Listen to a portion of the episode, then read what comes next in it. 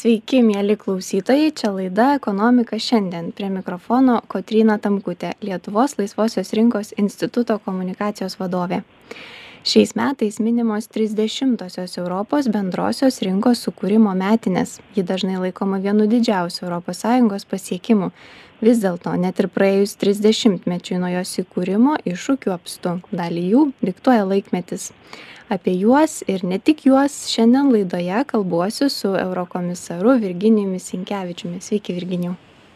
Sveiki tai apie tą bendrą rinką. Jinai kaip žinia yra e, laisvas asmenų prekių paslaugų ir kapitalo judėjimas įtvirtintas prieš tris dešimtmečius ir kaip minėjau laikomas vienu didžiausių europos integracijos laimėjimų.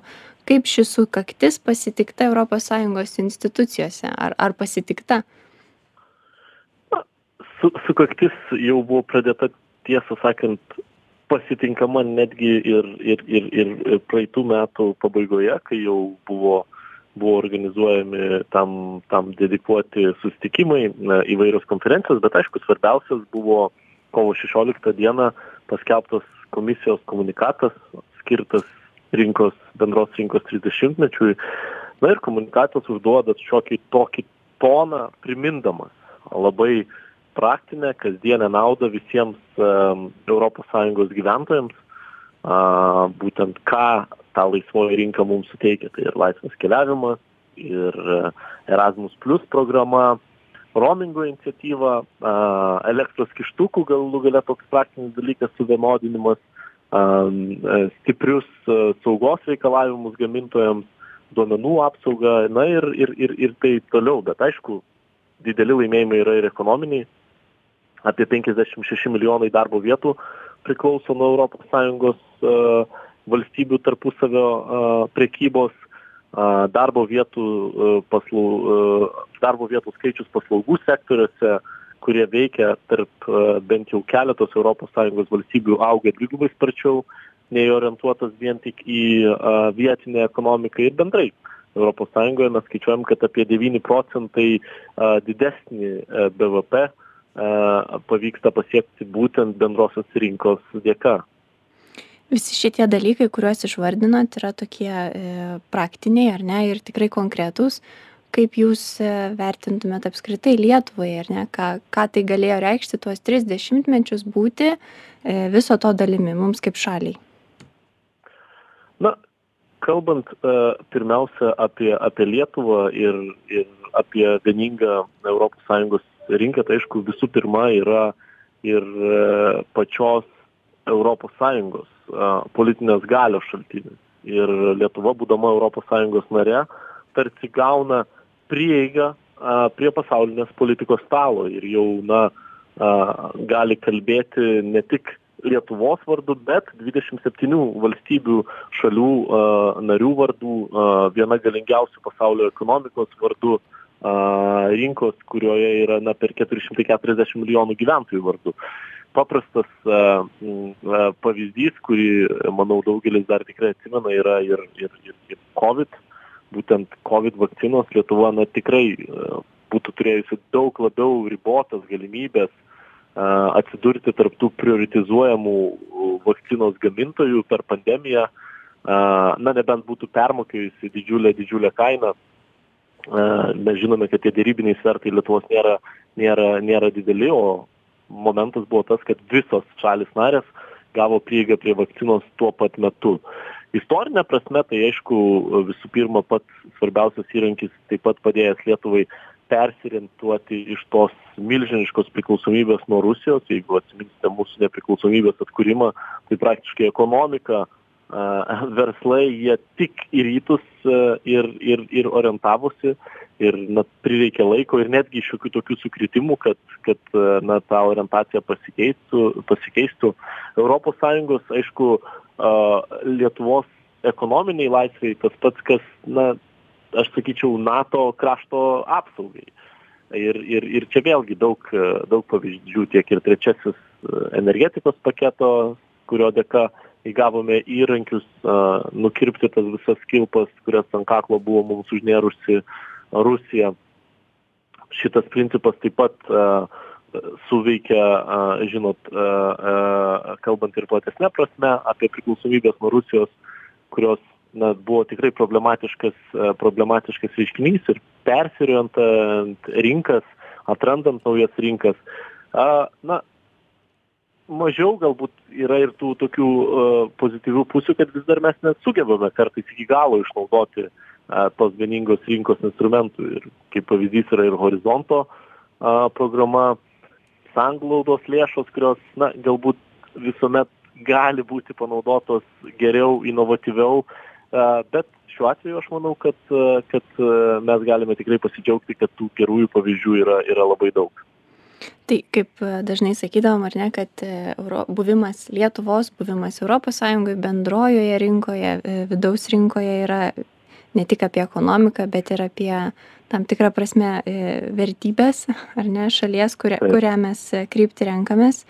Jūsų sritis yra aplin aplinka vandenynai žuvininkystė. Kaip šiose srityse išsipildo tas bendrosios rinkos veikimas? Su kuo jums jau teko dirbti tai e, yra yra e, vienas didžiausių pavyzdžių turbūt e, yra baterijų reguliavimas kurį kurį na aš parengiau per savo mandato metu ir kuris na užtikrina kad būtent išnaudojant vieningos rinkos mechanizmus mes turėtume vienodą baterijų reguliavimą tarp Sąjungos valstybių.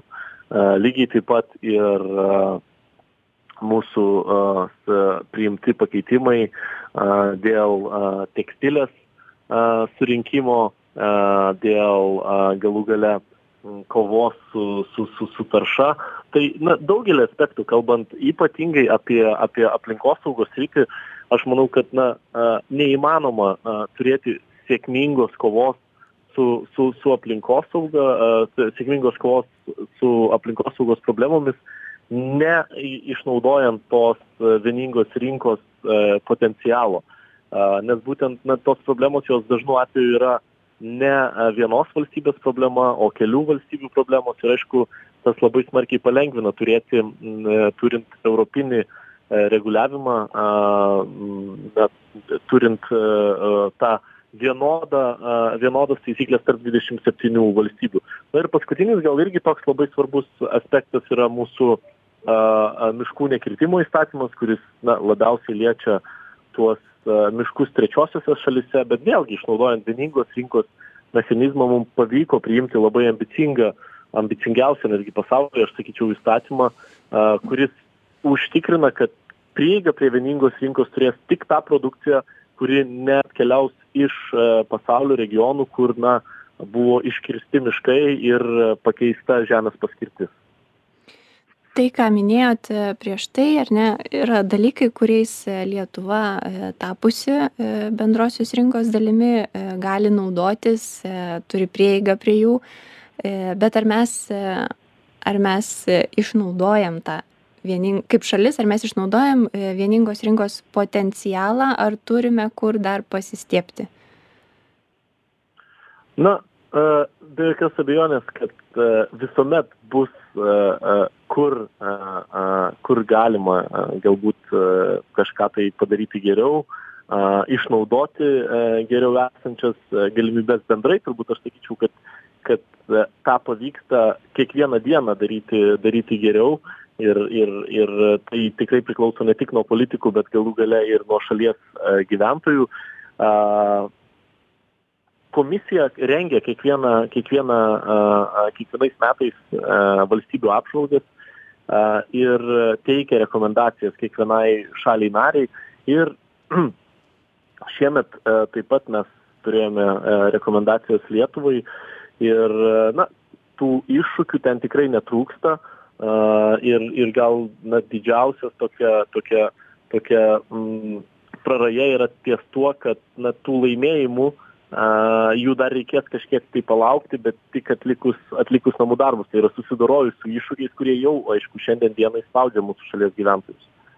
Mhm. Užsiminėte apie Europos komisijos rekomendacijas Lietuvai, tai pataisykit, jeigu ne, ne apie tas pačias kalbu. bet šiek tiek anksčiau komisija buvo patvirtinusi kasmetines valstybių apžvalgas ir mhm. jūs jas komentuodamas teigiate, kad kad Lietuvoje trūksta, grėsmingai trūksta darbo jėgos ir darbuotojų įgūdžiai netitinka darbdavių poreikius. Tai trumpai šiek tiek, kaip, kaip jūs tą situaciją vertinant ir ką reikėtų daryti, ką Europos komisija siūlo daryti Lietuvai ją įspręsti? Na taip, tai, tai yra tikrai viena iš tokių opių problemų ir e, sunku patikėti, kai e, na, matai, kad Lietuvoje yra virš šimto tūkstančių e, bedarbių ir na, tikrai absoliuti dauguma tų žmonių iš bedarbystės pašalpos neišgyventų. Reiškia, kad aišku yra ir ta šešėlinė pusė šio aspekto, bet taip pat tai yra na, ir didelis skaičius atvirų darbo vietų. Tai šiuo atveju, aišku, profesinis ūkdymas, kolegijos, kai talentų ugdymas jis na privalo būti visose visose pakopose ir ir ir ir mokymasis visą gyvenimą jis turėtų būti įdiegtas daug geriau. Tai negali būti tiktai orientuota ar stereotipiškai galų gale priskirta tik jaunimui. Produktyvumas yra mūsų didelis iššūkis. Žinome kad lietuvoje vis dar dominuoja mažos ir vidutinės pridėtinės ver ver vertės verslai ir aišku kad na tie tai yra dažniausiai tie verslai kurie neinvestuoja pakankamai į darbuotojų ugdymą neinvestuoja pakankamai į automatizaciją a ir aišku tas efektyvumas jis na ne nesiekia europos sąjungos vidurkių nors mes matome kad jis pasistiebia bet bet galų gale ne nepakankamai. Bet tai gali būti ir tokios problemos kaip ir darbo santykių apmokėjimas. Yra du mokestinės sistemos modeliai kuriuos valstybės naudoja tai yra dideli mokesčiai iš darbo santykių ir ir kapitalo rentos ir dideli mokesčiai iš kapitalo rentos. Na mes turime keisti situaciją kai darbo ir vartojimo mokesčiai yra neadekvačiai dideli kitaip tariant darbuotojai turi išlaikyti ir ir ir visą ir visą darbuotojų infrastruktūrą ir tai aišku nėra naudinga nei nei verslui nei darbuotojams. Tad čia tik keli turbūt e, keli iš tokių e, esminių iššūkių niuansų su kuriais lietuva susiduria ir ir ir kaip vis dėlto susidaro tas labai didelis neatitikimas a a įgūdžių kurie yra siūlomi e, rinkoje ir kurie yra reikalingi toje pačioje rinkoje. Mes aišku matome didelį didelį pokytį bendrai darbo rinkoje su tiek su skaitmenizacija tiek su žaliuoju kursu keičiasi ir poreikis darbdavių, kokių vis dėlto įgūdžių jiems reikia. Ir čia taip pat, na, manau, kad nespėja dažnu atveju tiek uh, tos profesinio ūkdymo programos, tiek uh, galų gale švietimo sistema bendrai. Mhm. Užsiminėt apie žalį kursą, tai iš tiesų iki, iki pandemijos, ar ne, tai buvo viena uh, viena didžiausių temų, viena didžiausių darbo tvarkių. E, ar Lietuva spėja su žaliuoju kursu? Ar kur matytumėt e, didžiausius stabdžius ar kliūtis, galbūt požiūrėje, galbūt kažkokiuose tai neišspręstuose dalykuose? Na, kalbant apie, apie, apie Lietuvos pažangą, tai, na, džiugina tikriausiai tai, kad vyriausybė mm, tikrai įsitraukė žaliąjį kursą į savo, į savo, į savo programą, tačiau dauguma tų žingsnių dėja ir, ir liko a, planais, mm, daugelis jų dar na, nepavykę yra pasiekti. Ir na, iššūkiai, iššūkiai išlieka jie dideli, tris kartus dažniau nei vidutiniškai Europos Sąjungoje vertingas žaliavas mes išmetame kaip šiukšlę, šiukšlės vietoj to, kad rušiuotume ir perdirbtume, tai aišku, tai yra didelis netiktis ir mūsų ekonomikai ir na tokio žiedinės ekonomikos plano mes vis dar neturime. Situacija su na, Baltijos jūra yra, yra labai sudėtinga, tai ne tik Lietuvos problema, aišku, tai yra ir kitų Baltijos jūros valstybių, tačiau, uh, tačiau aišku, uh, na, Lietuva prie tos situacijos, kad jį pasikeistų į vieną ar kitą pusę, gali prisidėti. Oro tarša Lietuvoje yra pakankamai rimtas iššūkis.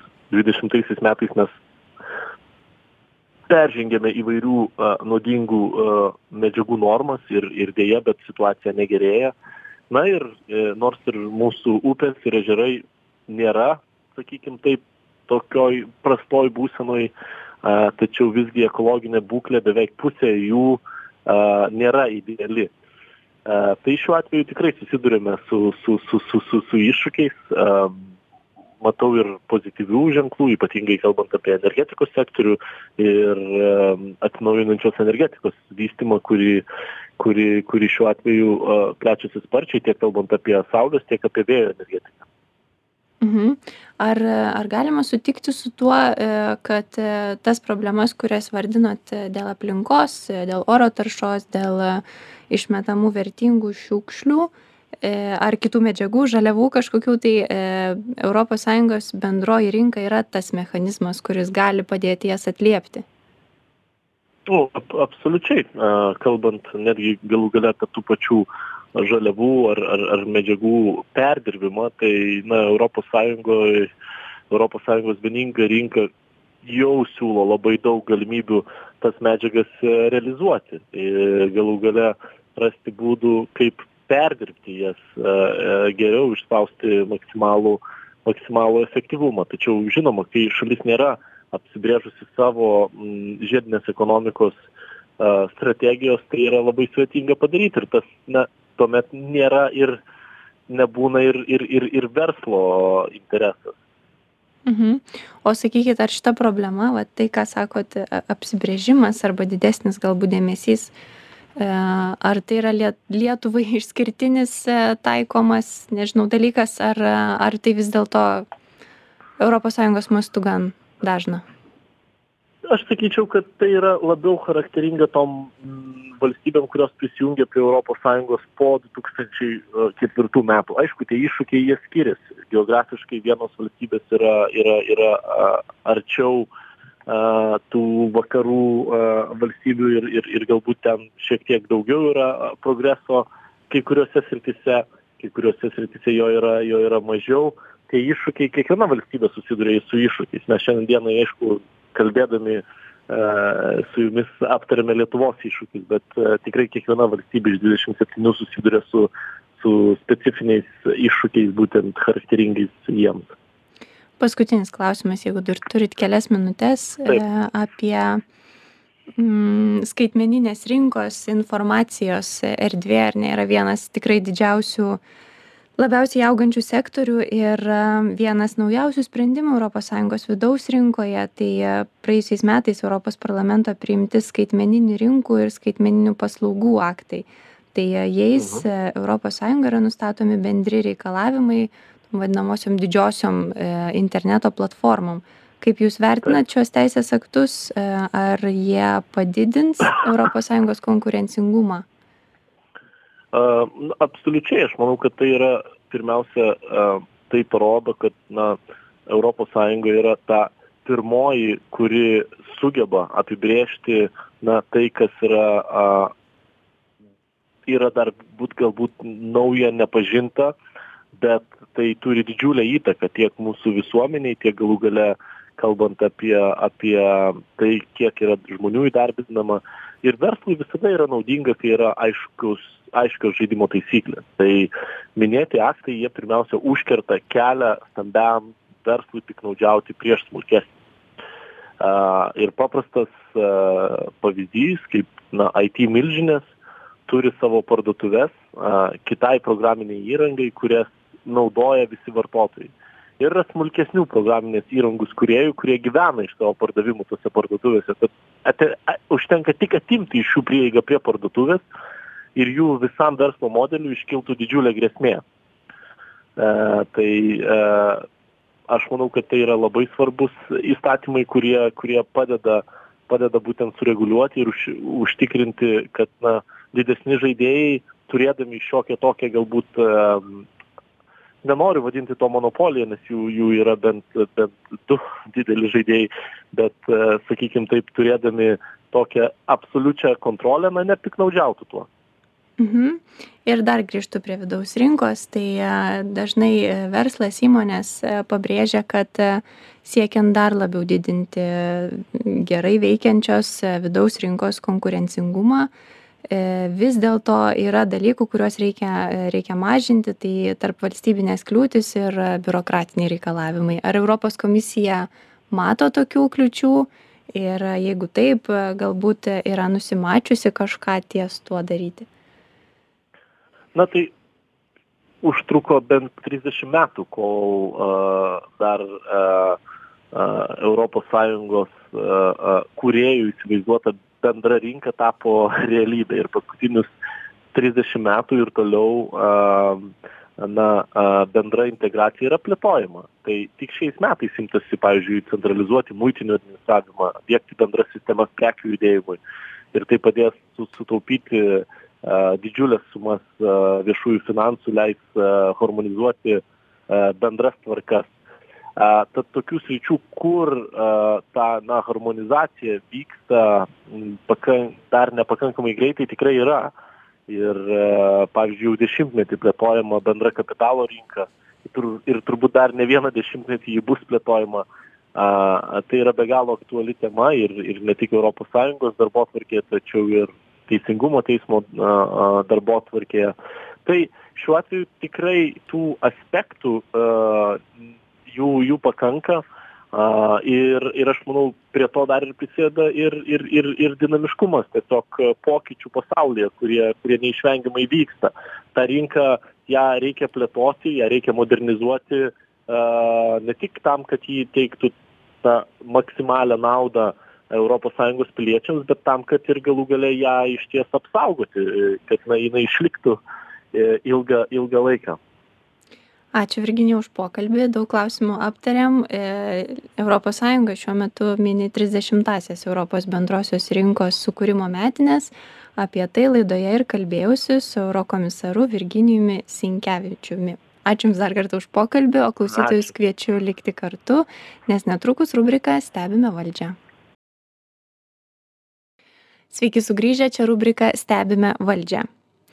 Vyriausybė pritarė nuo kitų metų minimalią mėnesinę algą didinti dešimčia procentų taip pat dvidešimčia procentų didinti neapmokestinamą pajamų dydį. Lietuvos laisvosios rinkos institutas pabrėžia kad suvienodinus npd ir mma sunkumus patiriančiai šalies ekonomikai būtų lengviau kvėpuoti npd didinimas yra garantuotas būdas padidinti žmonių pajamas be nepageidautinų pasekmių dirbantiesiems ir ekonomikai.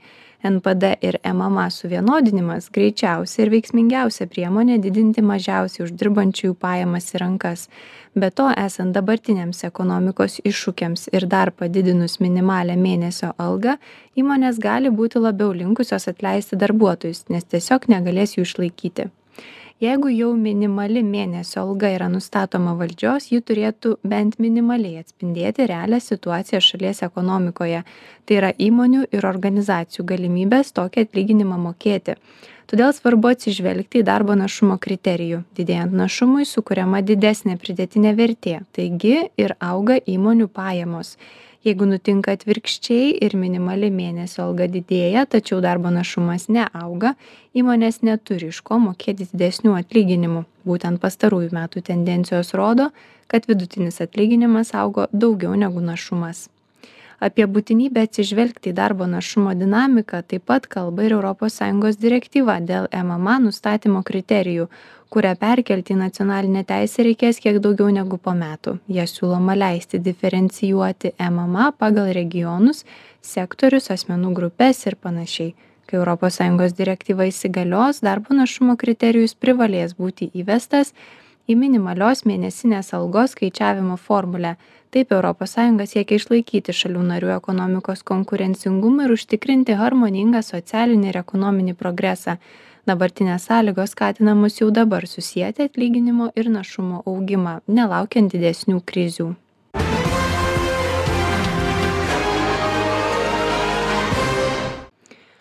Liepos trečia diena tapo svarbiu žingsniu įgyvendinant naują ES reglamentą skaitmeninių rinkų aktą.